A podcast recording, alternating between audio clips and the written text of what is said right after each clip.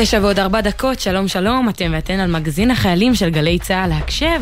שלום לך, אביב פוגל, פה לצידי, תוכנית ראשונה להשבוע. כן, שלום לך, ליש פרבר. אז אנחנו פותחות את התוכנית רגע לפני שנצלול לעניינים, נגיד אה, תודה רבה לצוות שלנו, חוץ כן. מאיתנו שפה באולפן. למפיקות, פרח בר גולדפרג, נוגה גרינברג, מאיה גונן ועמית קליין. הטכנאי שלנו הוא אורי ריב, ועל העריכה המוזיקלית פז אייזנברג, אז תודה להם. וכן, אז היום יש תוכנית מגוונת, אה, עוד תכף אה, נחשוף בפניכם לאורך התוכנית, גם הפינות הקבועות, אבל גם תהיה פינה מיוחדת לאוהבי המוזיקה. אני משערת שלא מעט מכם שמעתם שהיום זה יום הביטלס, ואנחנו נח, נחגוג ונציין אותו פה בתוכנית. אה, מה עוד יהיה לנו היום? בדרכנו היצירתית. כן, כן. אה, גם אה, שילוב ראוי, תוכנית הזוגות האהובה עלינו במיוחד, והיום לכבוד חודש הגאווה, אבל רגע לפני שנצלול לכל העניינים האלה, אנחנו רוצות להתייחס לאיזשהו עניין חדשותי רציני גדול שקרה היום, אחרי למעלה מ-40 שנה, היום הוחלט על הקמת ועדת חקירה רשמית לאסון צור, בעקבות ממצאים חדשים שמחזקים את האפשרות שמדובר בפיגוע.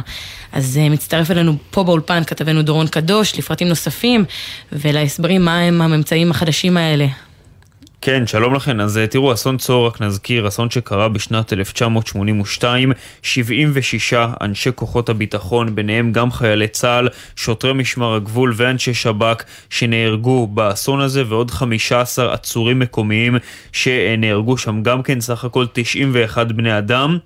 הם נהרגו בקריסה של המבנה הצבאי אה, בצור, ולמעשה מה שקרה שם זה שהסברה של מדינת ישראל ושל מערכת הביטחון עד היום, כבר יותר מ-40 שנה, הייתה שהאסון הזה נגרם כתוצאה מדליפת גז, זה ההסבר הרשמי שמדינת ישראל חותמת עליו עד היום, ובמשך יותר מ-40 שנה, הרבה מאוד משפחות שכולות של האסון הזה מרגישות שהאירוע לא פתור עד הסוף, ולא אה, הגיע למיצוי של כל החקירה של הפרטים שם. יש סברה שיש גם אה, לא מעט ראיות וממצאים שעשויים לתמוך בה, שמדובר על פיגוע חבלני ולא על איזושהי תקלה או תאונה של דליפת גז, ושמדובר על פיגוע שמי שעומד מאחוריו זה ארגון חיזבאללה, שנזכיר רק הוקם באותה שנה בשנת 1982. במשך כל השנים האלה מדינת ישראל לא הסכימה להודות אמ, שקרה אכן דבר כזה או שיש סיכוי לפיגוע חבלני של חיזבאללה.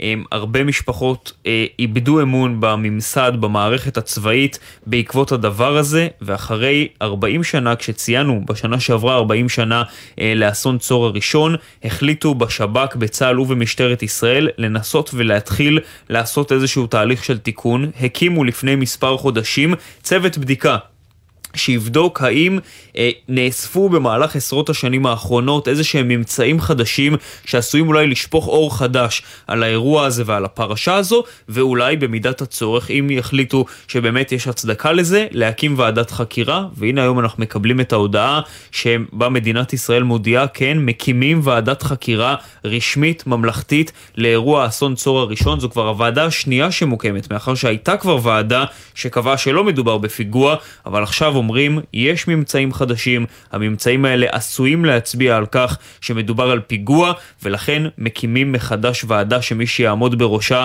הוא האלוף במילואים אמיר אבולעפיה, והוועדה הזאת תבחן את כל הממצאים החדשים, תשתמש בטכנולוגיות חדשות ותבדוק את הפרטים האלה עד הסוף כדי לגבש את העמדה הסופית של מדינת ישראל ביחס לאסון.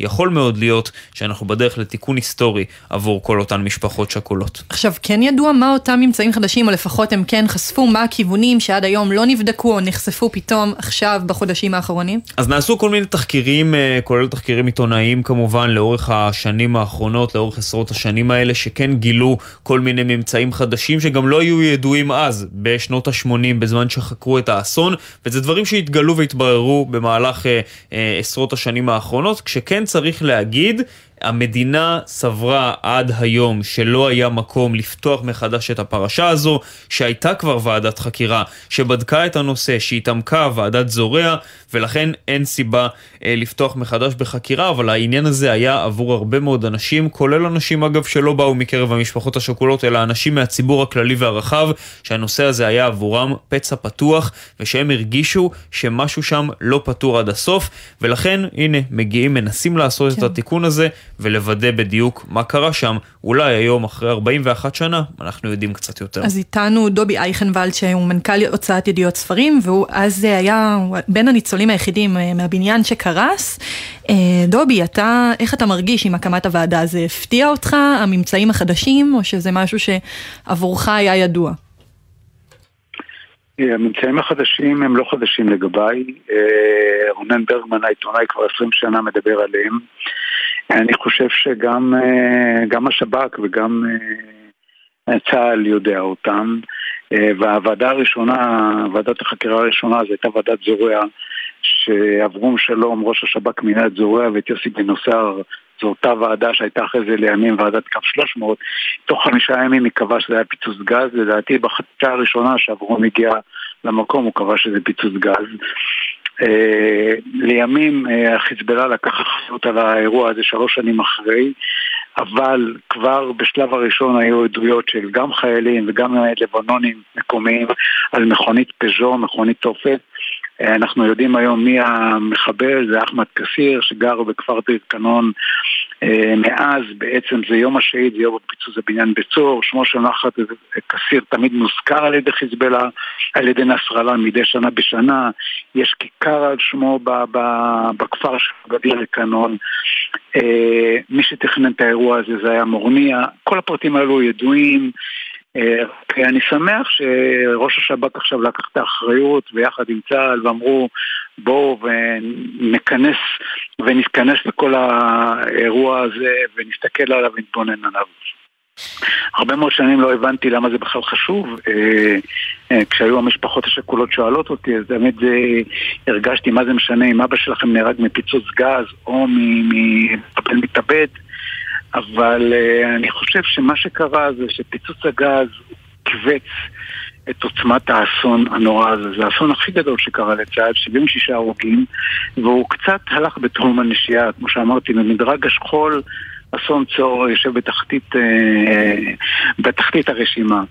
וזה חלק מהעובדה שזה, שזה קרה לכאורה כאילו פיצוץ גז. פיצוץ גז יכול לקרות גם בדיזינגוף או בפתח תקווה. בהקשר של אה, האופן שבו מסגרו את זה, אה, אז אה, שנה אחרי אותו אירוע נורא, אז היה את אסון צור השני, שגם בו איבדנו המון המון אנשים.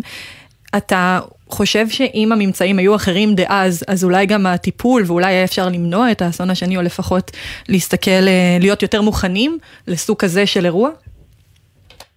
תראה, זה קשה לשפוט היום אה, את אותה תקופה, תקופת אסון צור, נובמבר 82, זה היה אחרי סבר ושתיה, לבנון דיממה, צה"ל דימם, האלוף גבע עם הסיפורים שלו, זו הייתה תקופה מאוד מאוד קשה לצה"ל ולמדינה, ולדעתי אה, אברום שלום, ראש השב"כ החליט לסגור את זה כמה שיותר מהר, אבל, אבל באמת, וזה אבל גדול, וגם הוא לא ידע אולי שיש מחבל מתאבד לא, זה היה הדבר הראשון שמורניה תכנן, זה התופעה הראשונה. אבל אחרי זה כבר היה את האירוע אצל הצרפתים, ואחרי זה היה בביירות, הנחתים האמריקאים, המכוניות תופת, ואז אם היו מבינים ותופסים את עצמם, וגם היו התחלות על הבניין בצור. אם היו עושים את הדברים הנכונים, יכול להיות שהיה נמנע אסון אה, אה, של אה, צור 2, כי היו מתגוננים, כבר מבינים כבר את התופעה של, של אה, אה, מחבלים מתאבדים. הכל זה בדיעבד, אבל מאז משום מה לא לקחו את האחריות ולא, ולא התקדמו עם הסיפור הזה, וזה היה נוח לכולם. היחידים שכאבו מאוד זה היו המשפחות, כן. אז למה אתה חושב שלא פתחו את זה עד עכשיו מבחינתך? מה, מה קורה בתזמון היום? מה קרה כל הזמן הזה? אני חושב, היו כמה סיבות. אחד, זה היה נוח לכולם. אה, גם לצה"ל, גם לשב"כ, לכל הגופי החקירה היה נוח הסיפור הזה.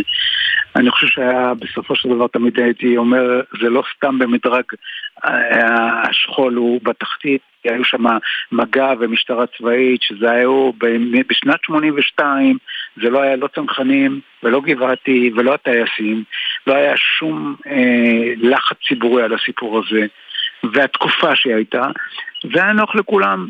עכשיו, יכול להיות, אני מניח שרונן בא, ראש, ראש השב"כ הנוכחי היום, הוא אפילו היה, חי, היה תלמיד בזמן מלחמת אה, לבנון 2, אין לו שום קשר, לא לאברום, לא ליוסי גינוסר, לא לאבזוריה, כולם כבר דמויות שהלכו מעולמנו, אבל לא היה להם שום קשר רגשי, והוא קיבל את האומץ.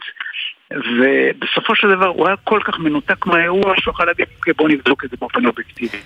כל ראשי השב"כ הקודמים גם אה, חברי הטוב יורם כהן, שפניתי אליו, שהיה ראש השב"כ, גם הוא עוד היה בבניין לפני זה בתור לוחם אה, בשב"כ. שם, היה לו את הקשר הרגשי וניסה וכולי, מעולם לא נבדק הדבר הזה באופן... ואם היום, אחרי, כן, אנחנו מדברים שנפתחת ועדת חקירה חדשה, ואם ייקבע שמדובר בפיגוע, אז בעצם זה האסון, זה הפיגוע הגדול ביותר בתולדות המדינה, כאילו יש פה ממש אה, איזשהו שינוי כזה, ואתה מרגיש שאם היום זה ייקבע, יותר מ-40 שנה אחרי, אז הצדק עכשיו הוא יעשה? אני חושב שקודם כל הצדק הוא כלפי המשפחות השכולות, הילדים, הנכדים, 76 הרוגים, זה אדוות של מאות אה, נכדים, ילדים, בני דודים, משפחות שלמות, זה, זה מסה קריטית גדולה מאוד, שמגיע להם את הצדק, זה קודם כל בשבילהם.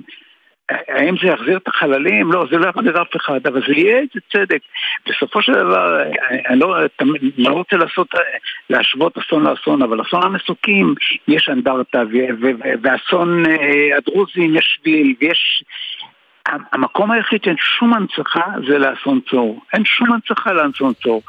ובאיזשהו מקום קצת ישנה, אני אומר שוב פעם, הרבה מאוד משפחות שכולות כאן בסיפור הזה, שמגיע להם לדעת את האמת, לדעת mm-hmm. מה קרה, זה לא יחזיר להם את יקיריהם, אבל הנכדים שלהם ידעו שהסבא שלהם נהרג בפיצוץ הבניין בצור של המחבל המתאבד שמורניה אה, תכנן את זה. אז עכשיו אתה... יש בזה משהו יותר. לפחות לגבי זה, אתה אופטימי עכשיו יותר שהצדק הזה יעשה, שהאור יואר על מה שצריך? אני, אין לי שום ספק שברגע שתהיה ועדה שהיא בלתי תלויה ולא קשורה רגשית ועניינית והמסמכים אה, יובאו בפניה העובדה שגם מצח שחקר את זה אחרי זה מצא את המנוע של מכונית בתוך הבניין וגם מצאו גופה של מחבל שהיא לא, שלא זוהתה וגם יש עדויות כל הדברים האלו שהיו, אם מישהו יאסוף את הכל לכדי אה, מסכת ראיות, אין לי ספק שהוא יגיד שזה היה מחבל מתאבד, כשיודעים אפילו מאיפה הוא יצא. אימא שלו מעידה איפה הוא יצא. אם, אם מישהו יראה היום את הסדרה רוחות ביירות, מסופר שם כל הסיפור מאלף עד תף, מהצד הלבנוני, שמספרת איך היא יצאה מדיר קנון, איך מורניה תכנן את זה, איך הוא שכנע אותו בכלל. לבוא ולהתאבד, זה היה גם מתאבד ראשון, אה, בסופו של דבר זה, זה עוד לא היה דבר שידוע בכלל, כן, אה, כן. מחבלים מתאבדים. נשמע, נשמע שלפחות עבורך אותם ממצאים חדשים הם אה, לא חדשים. בכלל. תודה רבה לך, דובי איכנוולד, ששוחחת איתנו לגבי זה. תודה לכם.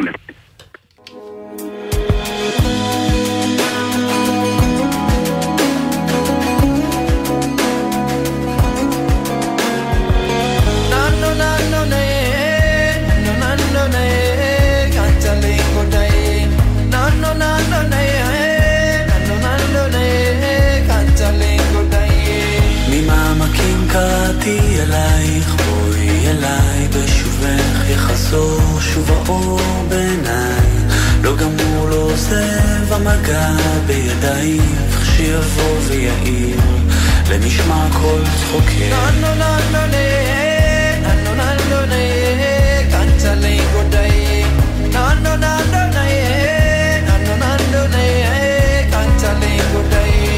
ממעמקים קראתי אלייך אליי מאיר דרכך שוב אליי.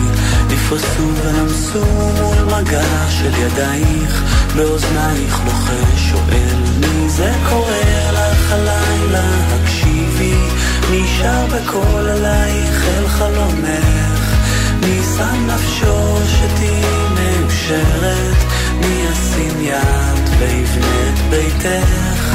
מי ייתן חייו ישימה מתחתייך, מי כעפר לרגלייך יחיה, מי אוהבך עוד מכל אוהבייך, מי מכל רוח רעה יצילך, ממעמקים.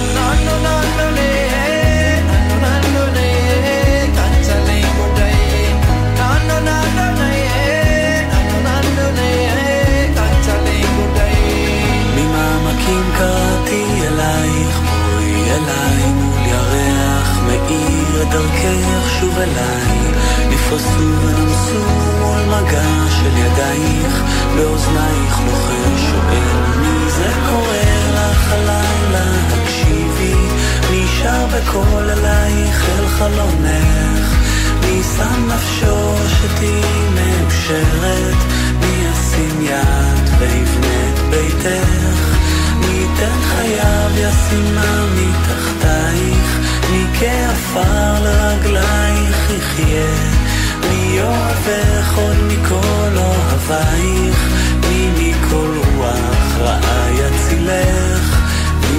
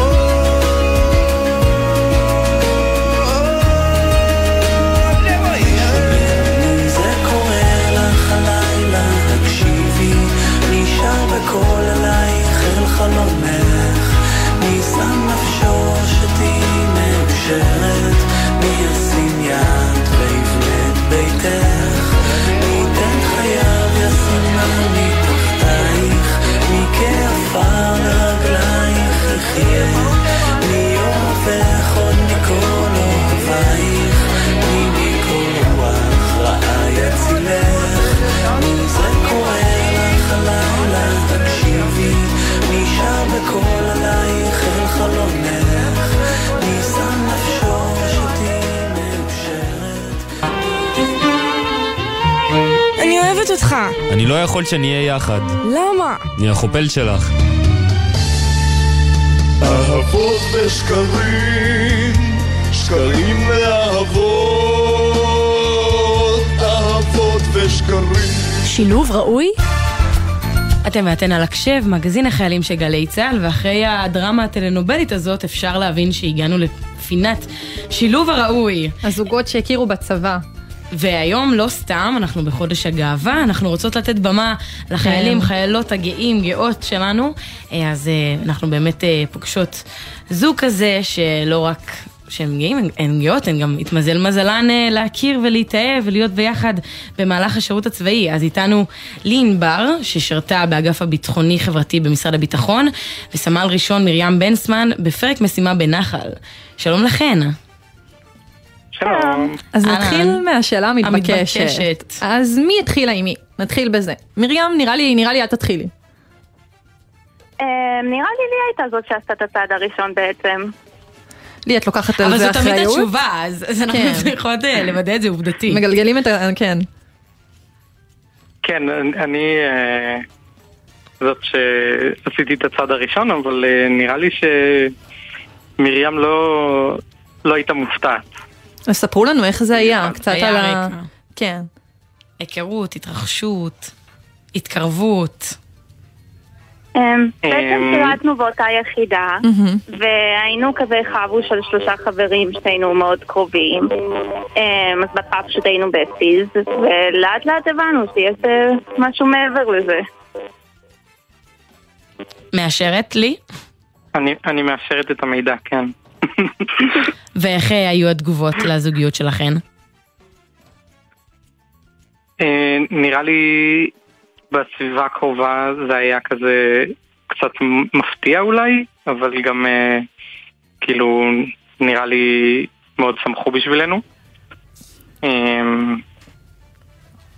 אז לי. כן, אז בואי נחזור לסיפור שלך. אה, לפני הצבא, לך היה ברור שתתגייסי, וגם בואי תספרי קצת באיזה תפקידים שירתת. אה, אני בעצם אה, לפני הצבא הייתי בשנת שירות אה, של תנועת הנוער השומר הצעיר. אה, בעצם אה, גרנו בקומונה בקריית אתא. אה, וכזה, זה שנת שירות בתנועת נוער, אז כזה עובדים ב- בקנים באזור, בקיבוצים ספציפית אני עבדתי.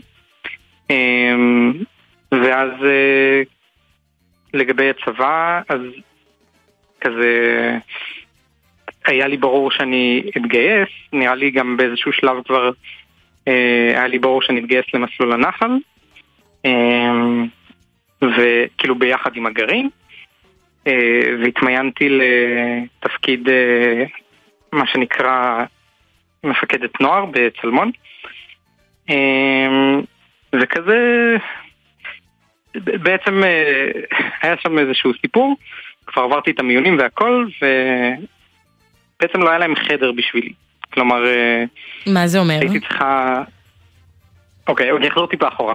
אמ, אני, אני בעצם אה, טרנסג'נדרית, שזה אומר שמבחינת הצבא יש כל מיני זכויות שהן גם במובן מסוים חובות שאני צריכה לקבל, ואחד מהם זה חדר בנפרד, חדר כאילו לבד.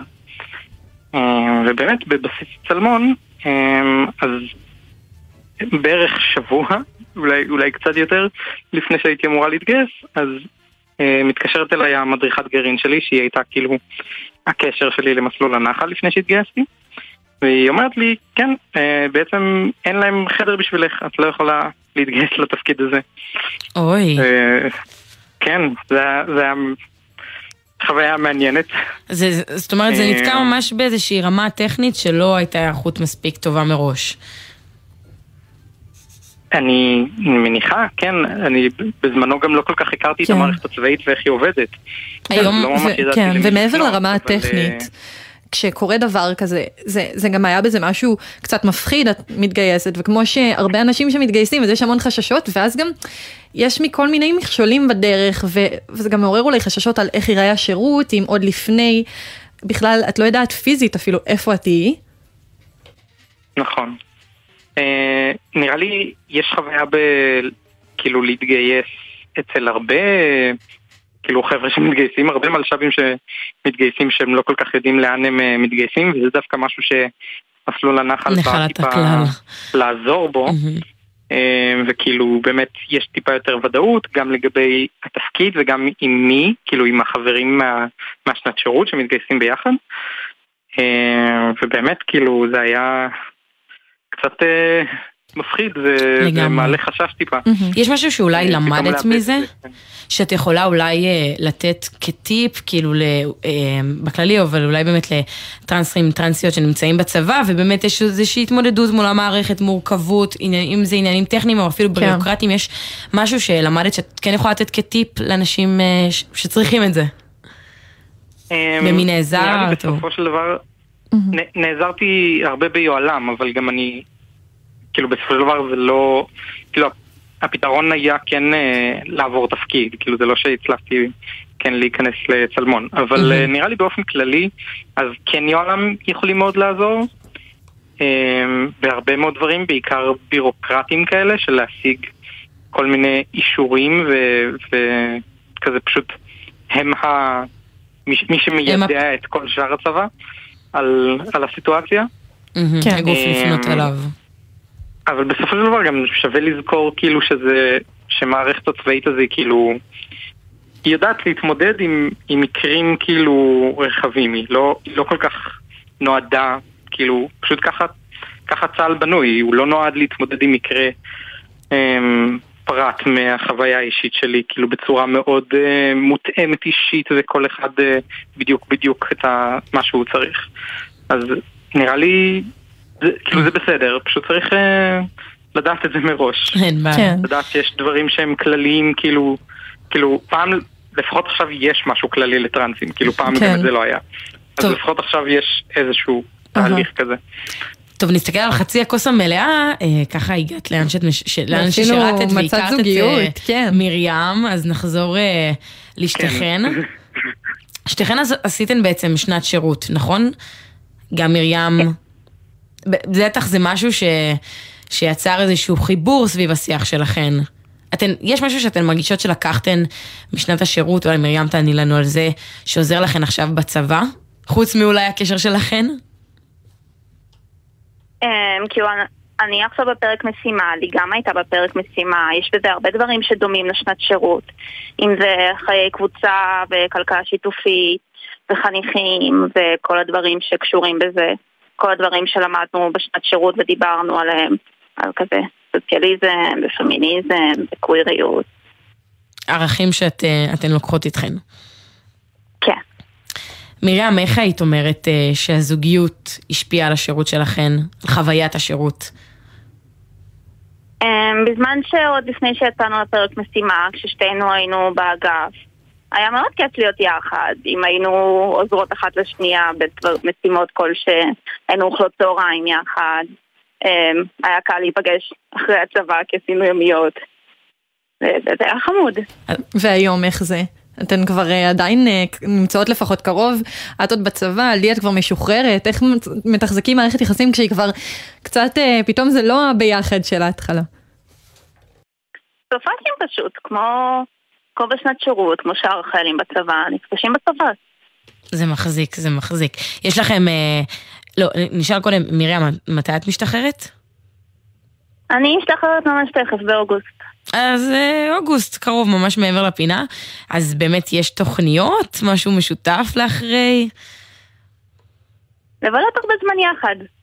לא משהו קונקרטי. בכללי זה, לא. יש את, ה, את המסגרת זמן אה, אה, השמורה שלכן. מרים, לי, איתנו. סליחה, לא, לא שמעתי. אני, אומר, אני אומרת, יש בכללי מסגרת זמן שאתן יודעות שתשמרו אחת לשנייה. זה בוודאות. בוודאות. אמ, יש לכם איזשהו טיפ אולי לזוגות אה, נוספים בצבא, על איך אה, לשמור על הקשר, לטפח אותו? או בכלל להכיר אפילו. לגשת בפעמים הראשונות. אצלנו במקרה אנחנו כמעט ולא מדברות בזמן שאנחנו במהלך השבוע, אני אגיד שזה בגללי, כי לא ממש טובה בלהיות פנינה טלפונית, אז את יוצא קשר שלנו רק כשאנחנו יחד. אז זה מונע כל מיני ריבים שאולי היו יכולים לקרות אם באמת היינו מרחוק. זה הייתה נשמע שיש פה איזה רמיזה, לי את רוצה להגן אה, על אה, כבוד אה, זמינותך ולהחזיר למרים או לתת טיפים משלך? אני לא חושבת שאני יכולה להגן על כבוד זמינותי, אני פשוט חושבת שזה... זה, זה בוודאות לא אישי, כלומר נראה לי אני... אם למדוד ביחס לעצמי, אז למרים אני כנראה יותר זמינה מלרוב שאר העולם. אז כזה... זה פשוט עניין של יחס, זה, ב- ביחס ל... כן. אז uh, לי ומרים, תודה רבה לכם שהייתם איתנו היום, ושיהיה לכם ערב טוב, ושרק תהנו ביחד בסופאשים, ומקווה שגם באמצע השבוע כשמתאפשר. תודה רבה. תודה רבה. אנחנו יוצאות uh, להפסקה קצרצרה, ומיד חוזרות.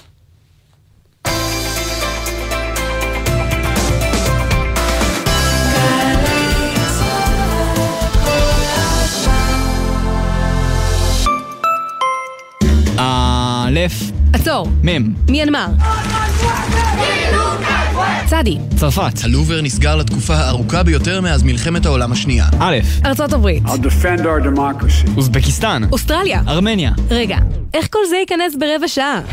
גלי צה"ל מציגה מסביב לעולם מגזין חוץ שמסכם לכם את כל מה שקורה בתבל ב-15 דקות בלבד. חמישי, רבע לאחת בצהריים. גלי צה"ל. עכשיו בגלי צה"ל, אביב פוגל ולי שפרבר עם הקשב. בית של החיילים, גלי צה"ל. קרב הכומתות. וואו. כן. האות הזה מחזיר אותי אחורה, אבל לפני זה נגיד עוד את השעה, זה שעה 9 ו-32 דקות, ואנחנו פה על הקשב. רק לפני רגע הלכנו וכבר חזרנו. אביב, את, אה, כן. את ותיקה ממני, את מכירה את האות הזה, אמרת שהוא כן. מחזיר אותך אחורה פעם ראשונה שאני פוגשת את הדרמה הזאת. כן. אז אמ, פעם היינו מפגישים חיילים מיחידות שונות, והם היו ככה בחידונים, רואים, אה, מראים אחד לשני מי מכיר יותר את היחידה, היום אנחנו מי היום, שזוכר, והמ- אם אתם זוכרת ממאזיננו, בתחילת כן, התוכנית, דיברנו על. איזה נושא, כלשהו קצת מוזיקלי. משהו ביטלס? משהו אולי? ביטלס, מוכר לך איזושהי איזושהי להקה כזאת. כן. אז, אז עכשיו זה הגיע למי שחיכה, יש לנו פה... הביטלס הגיעו אה, כן. לקרב הכומתות. עד אם- לצה"ל, עד לצה"ל הם הגיעו. אם לביטלס היה היה כומתה, היה חיל, איזה איזה צבע הכומתה אני הייתי היה? בעד צהוב, אני חושבת. צהוב? זה, כן, טוב, תכף נתייעץ עם ה... אולי זה- אה, תשובה שתמונה בשירים, אני כן. ככה. אה, אז אה, קודם נפנה לשני החיילים שהיו איתנו, שהם, רק נגיד, זאת פינה מיוחדת. אנחנו נשמע אותם שרים, תהיו מוכנים, כי אנחנו גם נבדוק את הידע שלהם בביטלס וגם אה, נראה את יכולות השירה, אבל עוד לפני נפנה אליהם. אז שלום לסמל ניב אלסנר, שהוא גיטריסט בלהקה צבאית תו ראשון, ולרב טוראי א', שלא נוכל להגיד את שמו המלא, שהוא לוחם ביחידה מיוחדת בתותחנים. שלום לשניכם.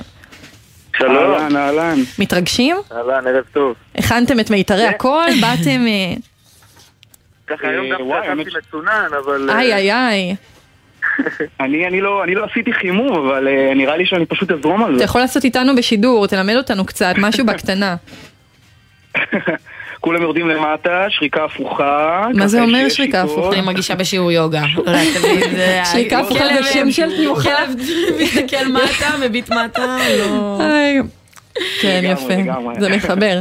טוב, נחזור קצת כן. אה, להתחלה, נתיישר. אה, ניב, אתה אמרנו גיטריסט בלהקת תו ראשון, להקה צבאית, אז ישר אנחנו מבינים את הקשר למוזיקה, משם גם אה, לביטלס, אבל א', במקרה שלך זה קצת פחות מובן מאליו, אז ספר לנו אתה קודם מה הקשר שלך למוזיקה, ואיך אתה משלב את זה ביחידה מיוחדת בתותחנים.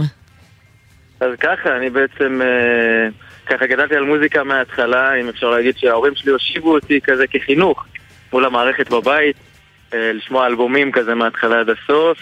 כשהם ראו שאני קצת תזוזתי ונותן מכות על השולחן, הם שלחו אותי לשיעורי תופים.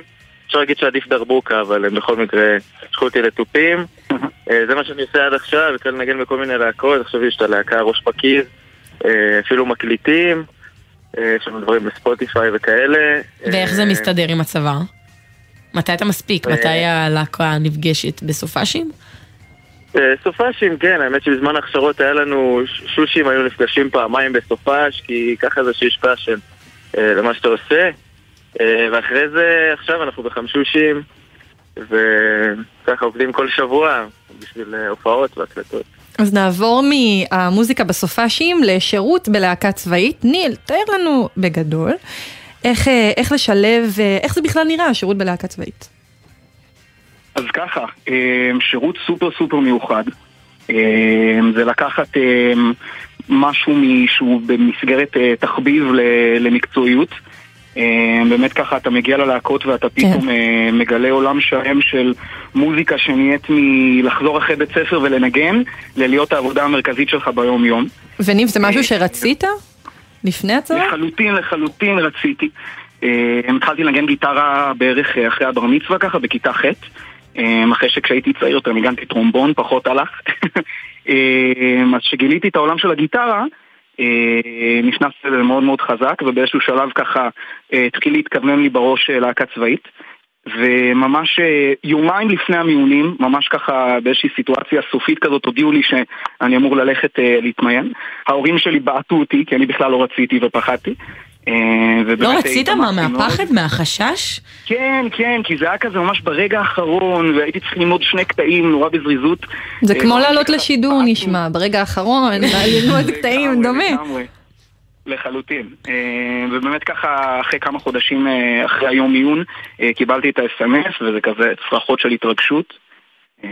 זהו, ממש חבל. לגמרי, טוב, זו, אני חושבת שזו הוכחה, נקודה טובה, שתנסו, תנסו, מה רע לכם, אולי זה יעבוד. מבחן, אודישנים, מקסימום לחלוטין. תתקבלו, מה נשמע, מי ישמע.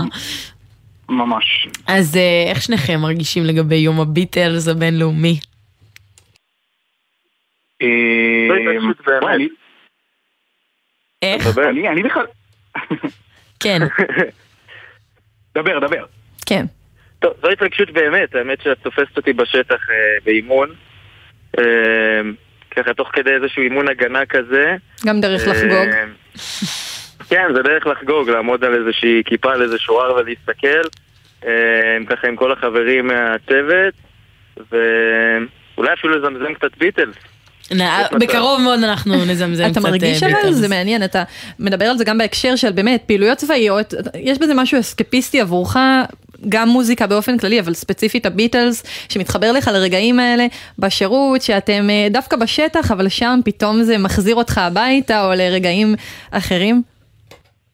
אה, לגמרי, בסוף, אז נמצאים בשטח, בזמן איזושהי פעילות, אין טלפון, אה, אפילו לא רדיו, אפילו לא גלגלצ או גל"צ לצורך העניין, אה, וזהו, וצריך לזמזם את השירים האלה בראש, אתה פתאום נזכר בשירים ש... שגדלת עליהם, השירים שאתה הכי אוהב, אה, כותב את מה שאתה זוכר כזה מהמחברת או שורק אותם, אה, זה ננעט ב- בזיכרונות הכי חזקים. אז נשמע שהשירות הצבאי ממש הכין אותך לפינה שלנו, אתה באת מוכן ממש כמו הכשרה, הכשרת אנחנו גם נעזור ביטלס. לך עם זה. וואי, לגמרי. לגמרי, זו הסיבה שהתגייסתי ליחידה, בעצם. להיות מוכן לזמזם, זה מדהים, באמת, הכל הגיע. וניב, אתה רוצה ככה להגיד איך אתה התכוננת ליום הזה, וספציפית ל- לעלות לשידור ולשיר שירים של הביטלס? וואי, שומות שלא התכוננתי בכלל. לא, לא, אבל נחזור, נחזור קצת יותר אחורה מזה, איך... אה, זה טמון בך, אנחנו בטוחות שזה זה טמון בך בלי שאתה זהו. יודע, אז איך, איך הביטלס נכנסו לחייך, אה, איך נחשפת למוזיקה הזאת? אז אה, עד שהתחלתי לנגן גיטרה, אה, ונחשפתי בזכות המורים המדהימים שהיו לי, אה, שמעתי כזה מה, ש, מה שכולם שמעו ב-2013 כזה. אה, לא יודע, טיילור סוויף, קלווין הריס, אה, מה, שהיה, מה שהיה כזה ברדיו. והמורים שלי לגיטרה הכניסו אותי לתוך העולם הזה של הרוק. אה, והביטלס מבחינתי תמיד היו ב... הם תמיד היו החבר'ה הבריטים האלה, המצחיקים האלה, ששרו ילו סובמרין, כאילו, זה מה שהכרתי שהמורה שלי במוזיקה בכיתה ב' לימדה אותי. אמ, ואז ככה באמת אה, התחלתי לנגן קצת שירים של הביטלס והמורה שלי לגיטרה אמר לי אתה חייב לשמוע את סארג'נט פטרס אין מצב שאתה לא שומע אותו, חובה. ושמעתי פעם ראשונה, בהתחלה לא כל כך התחברתי ואז שמעתי עוד פעם ועוד פעם ופשוט אה, ישבתי מהצד והבנתי פתאום על מה כולם מדברים, על הקונצנזוס הזה על הדבר המדהים הזה שהוא הביטלס אז נשמע ששניכם באתם מוכנים, ועכשיו הגיע הזמן, אחרי שבנינו והרמנו, לחידון, לבדוק כמה אתם מכירים, ואת יכולות הזמזום והשירה, מי שרוצה, כל אחד יבחר אה, איך שהוא רוצה לשיר ולזמזם, העיקר לזהות את השיר. ניב, לא להילחץ, זה מקסימום וואי, תנצח, וואי. כמו שאמרנו. סתם. אתם אומרים לא, לא, מקסימום אני אתקבל. לא, לא אני איתך. טוב, אז מי מכם רוצה להתחיל או שאני בחר אה, רנדומלית? שתיקה. טוב, א', נתחיל איתך, כי זהו. פשוט א', אה, א' בא לפני נון, מה כן, מה ככה נעשה? אין מה לעשות. אמ, אה, טוב, אז אנחנו עומדות אה, להשמיע לכם קטע אינסטרומנטלי מתוך אה, שיר של הביטלס, ואתם צריכים אה, לזהות אותו, ואיך שתזהו זה, פשוט להתחיל תעשו את זה לשיר. באמצעות, כן, כן, להצטרף לשירה. למנגינה. תחדדו את האוזניים, מתחילים. Here comes the Here sun, comes the sun, and I say it's alright. מה זה נשמע ממש טוב. למה זה נשמע כמו שני קולות אבל? לא, כי שני- שניהם שרו. נכון, אבל אמרנו שזה התור של א'. כן. אז א', עכשיו כשהגיע נכון, השיר של. ניב, אז אתה גם יכול לעזור לו. אתה מראש הרמת לעזרת חבר. התור לא שלי, יואו. היה- נכון. זה ממש היה נשמע כמו צלצול של טלפון נוקיה של פעם. אה, טוב, אז נעבור אליך עכשיו באמת. אנחנו, הרי נגיד אנחנו מתחילות אה, בפשוט, אז אה, תהיו מוכנים.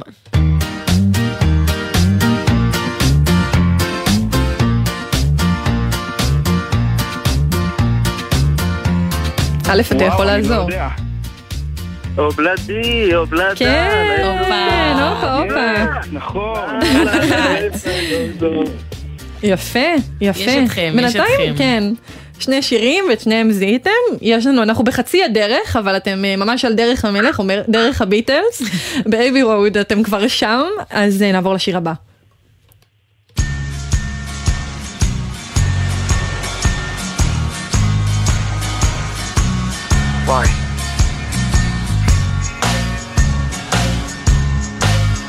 וואי. זה השיר שלך, Yellow Submarine, גבר. תשיר. וואי, אני רק שומע, אני רק שומע את הצונה, אני שומע איזה קול גבוה. נכון, נכון. וואי, אני לא מצליח לשמוע כלום בטלפון. פתאום מאשים את האיכות של הקליטה, זה, הם זה שם לא באימונים, זה על לא, זה הכיפה. לא, זה. אז מה מה זה אומר? אז כרגע זה אומר שניב מוביל. לא, א' מוביל.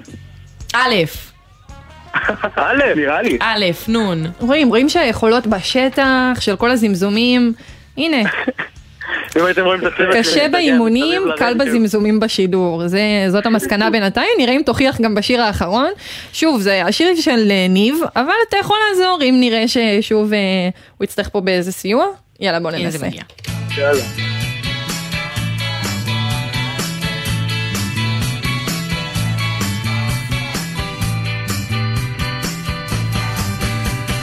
טוב, אנחנו סתם עשינו לכם אה, שיר עם מילים. רצינו לראות אם אתם מצטרפים כשיר אחרון, אבל אף אחד לא הצטרף.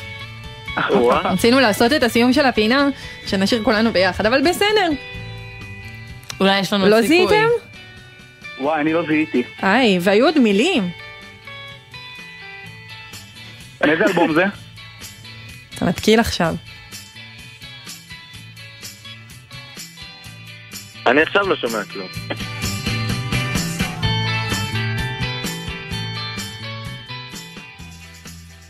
וואי, השכלתם. לגמרי. כן, אה, אבל אתם נפלנו. הצלחתם כמעט כמעט את הכל ממש יפה. כמעט כמעט. ובגלל זה אמרנו, זה שיר יותר קשה הוא מאלבומים זה, אז נלך למשהו עם מילים, אבל בסדר, לא נורא, הייתם ממש ממש טובים בשירים המוכרים.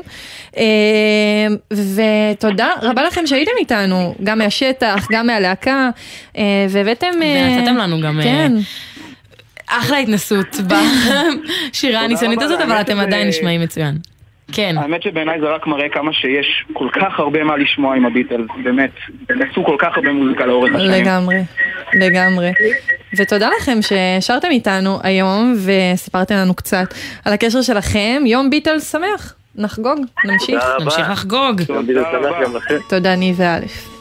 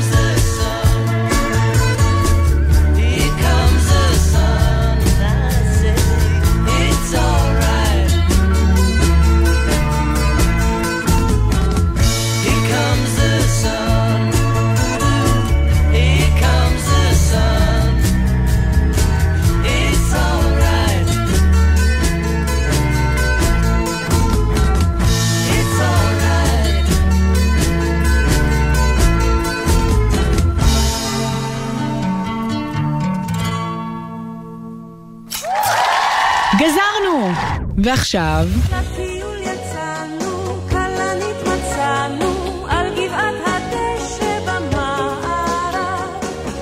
נתחיל ונגיד שלרוב בפינאלי, נכון, אנחנו מדברות עם חיילים, חיילות, משוחררים, משוחררות. שגזרו. שגזרו. שמענו את הפעולה המובהקת. אה, כן.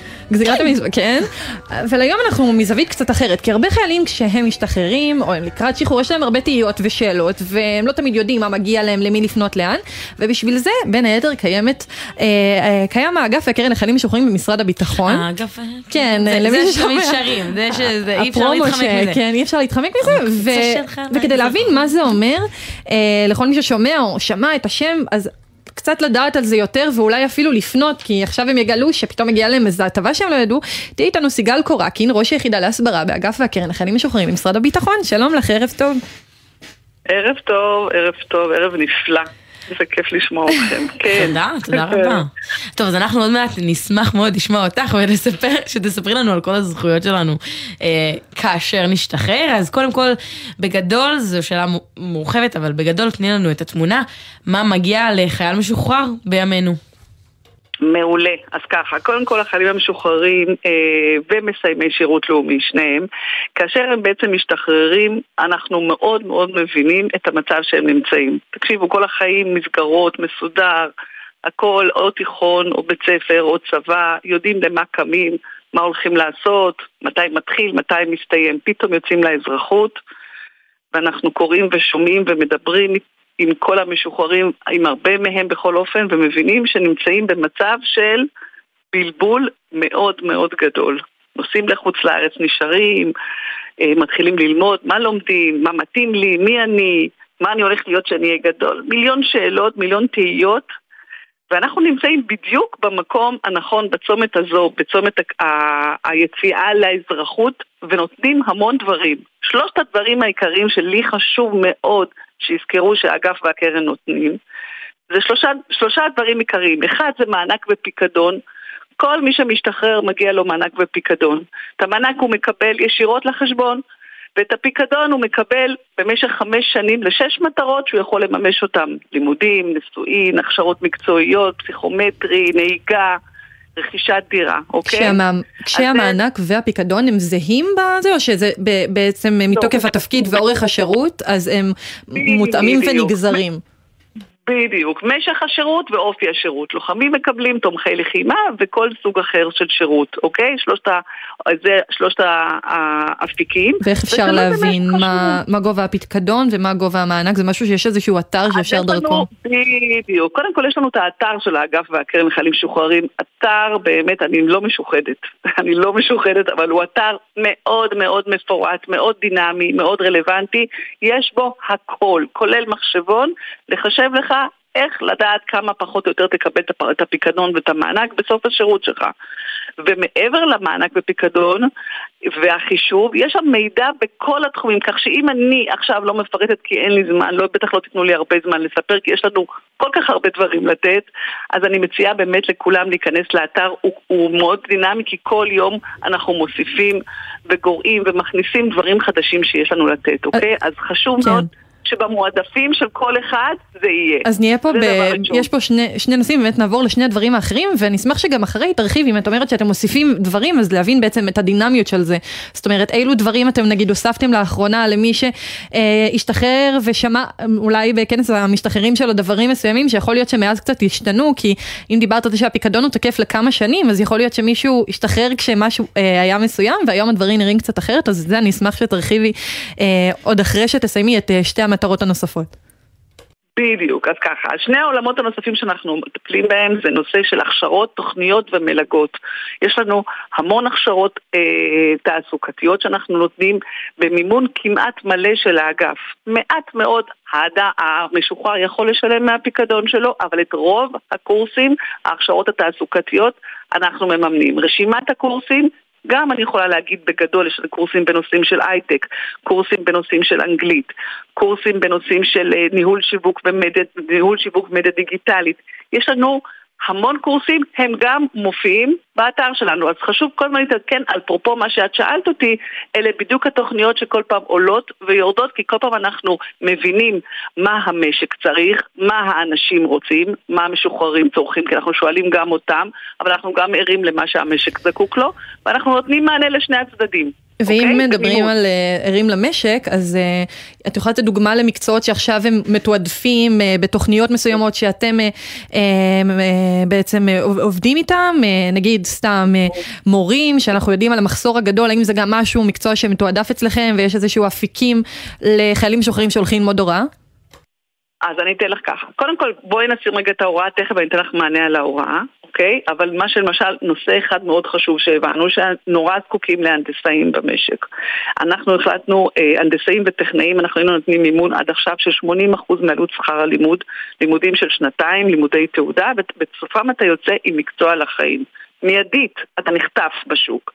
הבנו שיש צורך מאוד גדול במשק והוחלט על באמצעות, כזכור אנחנו אגף והקרן, הקרן זה סוג של דירקטוריון שבעצם הוא מחזיק את הכסף והוא מקבל, הוא, הוא בודק איתנו שהכסף הולך למקומות הנכונים, קרי ללימודים ולהכשרות, ואנחנו כאגף המלצנו על העלאת הסיוע מ-80% ל-90% כי הבנו שיש צורך מהמשק לנושא הזה. ואכן עכשיו נותנים 90% 90% מממנים את הלימודים.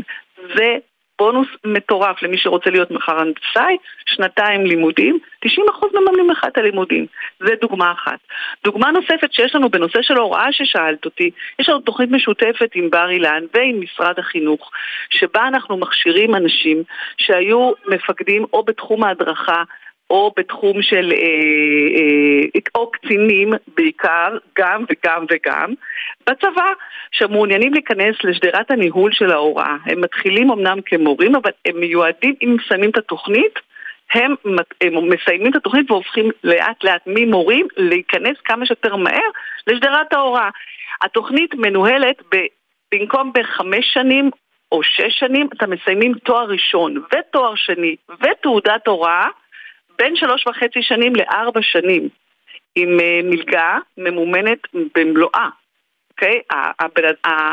מי שלומד לתוכנית לא צריך לשלם מכיסו, זה בשילוב עם אה, פיס, ומקבלים גם מלגת פיס וגם משרד החינוך. בקיצור, עוטפים את האנשים רק כדי לייצר מורים שבאים עם רקע אה, מיוחד של תרומה גם באזרחות אגב וגם בצבא, שהם היו עוד לפני הצבא, אוקיי? זה למשל תוכנית נוספת. ונגיע ואני- לצלע השלישית ב- ב- בשלוש בדיוק. תמיכה הזה. הצלע, וזאת הצלע הכי מד- מדהימה שלנו, שזה ייעוץ הכוונה אה, אישיים וכלים משלימים לאזרחות. מה הכוונה? יש לנו ארבעה מחוזות, ויש לנו מרכזי צעירים, 76 מרכזי צעירים, שבהם במחוזות שלנו ובמרכזי צעירים שלנו יושבים יועצי קריירה, שבעצם זה מה שהם עושים. הם מחכים שהחיילים המשוחררים יגיעו אליהם לשיחות אישיות וממש לבניית תוכנית עבודה מה הם רוצים לעשות מרגע שהם ישתחררו ולאן פניהם מועדות. ממש כמו סוג של אה, אה, ליווי, לא כמו, זה ליווי, ליווי עם כלים אבחוניים שעושים להם הן במחוזות והן במרכזי צעירים. אה, כלים אבחוניים שבעצם בודקים את היכולות ואת הכישורים שלהם, במה הם חזקים, במה הם פחות טובים, ואז יחד עם העדפות של החבר'ה יושבים לשיחה אישית. ובונים איתם בעצם תוכנית, אם רוצים ללמוד, אם רוצים ללכת לתואר, אם רוצים לעשות חשוב, הכשרה חשוב מאוד. מקצועית. אבל מה זה, זה בחינם? מדהים. לא, זה בטח זה- חינם, חינם, אין כסף. חינם, אין כסף. כל אני- כל חייל. משוחרר זכאי לשירות ולסיוע הזה. נכון, כאשר אנחנו כמובן. שזה כמויות מטורפות, אנחנו תמיד נותנים תעדוף לאוכלוסיות מיוחדות, לבודדים משוחררים, אנחנו נותנים מעטפת להם, אנחנו נותנים ללוחמים. אנחנו רוצים להוקיר את מי שנתן, בין אם בשירות לאומי ובין אם חיילים. מי שנותן, אנחנו פה כדי להחזיר לו. באמת, אנחנו אגב שרק רוצה לתת, לתת, לתת כמה שיותר. ואם אה, דיברנו על מענה מקצועי, אז גם יש את הפן של המענה, המענה הרגשי, שהרבה חיילים משוחררים, מעבר לאי ודאות, הם גם בזה נתקלים, לפעמים אה, מאופי השירות וממגוון סיבות, זה משהו שגם עליו אתם נותנים איזשהו דגש או מעטפת מסוימת שנועדה לסייע? מעולה. אז תקשיבי, במחוזות שלנו, מעבר ליועץ הק- הקריירה, יש לנו גם פסיכולוגים תעסוקתיים. כאשר יועצת קריירה יושבת לשיח, לפעמים יש, אנחנו מומחים, היועצות קריירה שלנו מומחיות בתחום הזה. בתחום הפסיכולוגי אין להן מומחיות, אבל יש להן ידע להבחין כאשר יש אה, עומק או רובד פסיכולוגי שהן רואות שהוא קצת יותר עמוק וצריך להיכנס קצת יותר ל... לנסיבות שבהן החלטות מתקבלות, אזי הם מערבים פסיכולוג תעסוקתי, שזאת בדיוק המומחיות שלו. ואז מצוין. ה- המשוחרר יכול גם לשוחח. עכשיו, במידה... אז אה, סיגל, לצערי אנחנו, כן, אני מצטערת שאנחנו נאלצים לסיים, פשוט התוכנית ממש עוד רגע מסתיימת. שמענו שיש סל של כלים. ואנחנו זוכרות שיש כן. את האתר שמאוד אה, אה, אז המון, מרחיב ומפרט. המון תודה. אז תודה ו- רבה לך, סיגל כן. קורקין, נגיד תודה רבה לצוות שלנו, פרח בר גולדפר, ג- נוגה גרינברג, מאיה גונן ועמית קליין, המפיקות, פז אייזנברג ערכה את המוזיקה, אורי ריב היה טכנאי, תודה רבה לך, אבי פוגל. תודה לך ליש פרבר, ותודה לכל המאזינים שלנו, ושיהיה לכם יום הביטלס שמח. ועם זה נסיים. אה, הקשב, מגזיני חיילים של גלי צה"ל. סיימנו.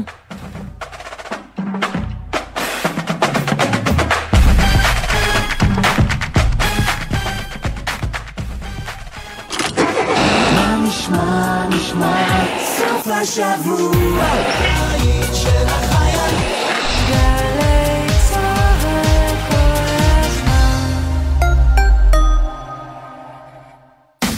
כספי הפיקדון האישי בשבילכם, חיילים וחיילות משוחררים, גם למטרת לימודים אקדמיים במוסדות המוכרים על ידי המועצה להשכלה גבוהה. המרצה, אפשר שאלה? מצטער, אנחנו לקראת סיום התשדיר. עוד פרטים על שש המטרות למימוש כספי הפיקדון האישי עד חמש שנים מסיום השירות תמצאו באתר האגף והקרן. המקפצה שלך לאזרחות. מיד אחרי החדשות, ערן סבג.